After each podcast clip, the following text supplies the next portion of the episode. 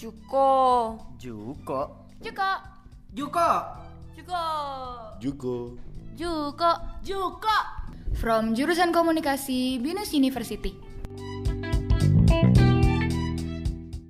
Talking to Strangers, karya Malcolm Gladwell. Hai, nama saya Bianca Aurelia. Saya hari ini akan membacakan audiobook yang berjudul Talking to Strangers atau Bicara dengan Orang Lain, karya Malcolm Gladwell. Di dalam buku ini, Gladwell menjelaskan banyak sekali perspektif tentang cara berkomunikasi dengan orang lain yang memiliki perspektif yang berbeda-beda dengan latar yang berbeda-beda. Jago menilai orang lain adalah salah satu cara untuk melindungi diri sendiri. Pada tahun 1938, Perdana Menteri Inggris, Neville Chamberlain, berkunjung ke Munich, Germany untuk bertemu dengan Adolf Hitler dan berniat untuk mengenal pria itu lebih dekat.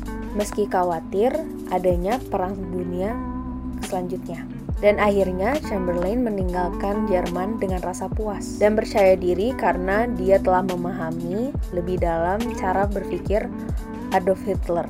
Ia pun yakin bahwa Hitler bisa menjadi orang yang dia percaya. Akan tetapi, sejarah telah membuktikan bahwa Chamberlain salah besar. Kita sering menilai orang di sekitar kita, termasuk orang yang kita tidak kenal. Baik mungkin ketika kita sedang berada di suatu kafe atau berada di sebuah meeting atau berada di area publik ketika kita sedang bertemu dengan orang yang kita tidak kenal, pasti kita pernah menilai orang tersebut yang berada di sekitar kita. Kita pun juga menilai orang tersebut dari kata-kata yang mereka lontarkan. Misalnya kita melihat orang sedang bertelepon dan marah-marah, kita berasumsi bahwa orang itu memiliki niat yang buruk kita memiliki asumsi yang kuat terhadap orang lain yang bahkan kita tidak kenal. Sebelum kamu menilai, kamu tahu nggak kalau misalkan kamu tuh nggak jago loh menilai orang lain karena kita tidak tahu orang tersebut dan yang kita lontarkan di dalam pikiran kita hanyalah sebuah asumsi.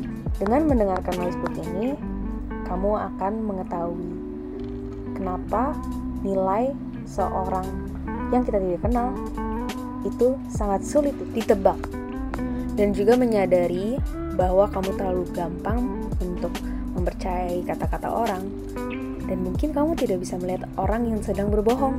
Bagian kedua, manusia itu paling sok tahu kalau menilai orang lain. Solomon adalah seorang hakim yang bertugas memberi jaminan kepada terdakwa di New York. Kebayangkan betapa berat pekerjaannya? Makanya ia sangat teliti ketika memeriksa berkas-berkas milik terdakwa. Tak hanya itu, Salomon juga mempercayai pentingnya berbicara langsung dengan terdakwa dan menatap mata mereka dalam-dalam. Baginya, tumpukan kertas tidak dapat menjelaskan tatapan kosong yang menandakan tidak kestabilan mental terdakwa. Tumpukan kertas juga tak akan mengungkap kelicikan yang terpancar ketika para terdakwa enggan untuk berbicara dengannya.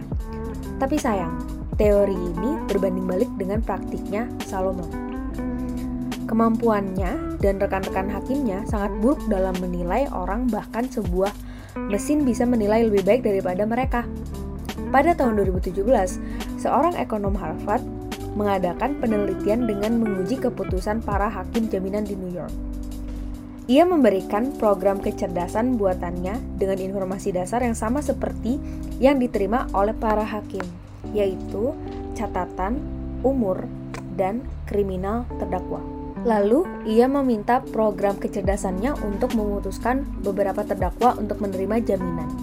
Hasilnya, terdakwa yang hakim bebaskan memiliki potensi 25% lebih untuk melakukan tindakan kriminal daripada para terdakwa yang dipilihkan oleh komputer.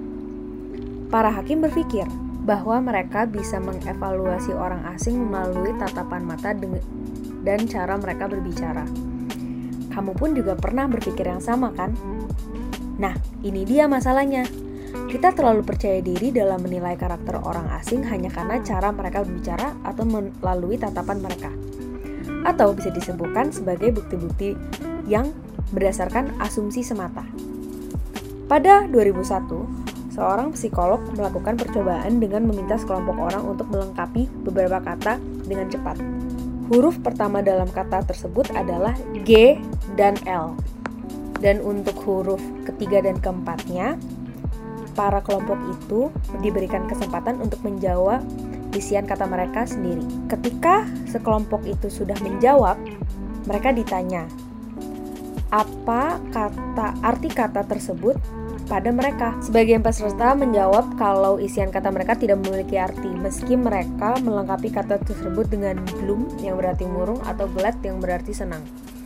Mereka berkata kalau kata-kata tersebut tidak merefleksikan apa yang mereka sedang rasakan sekarang.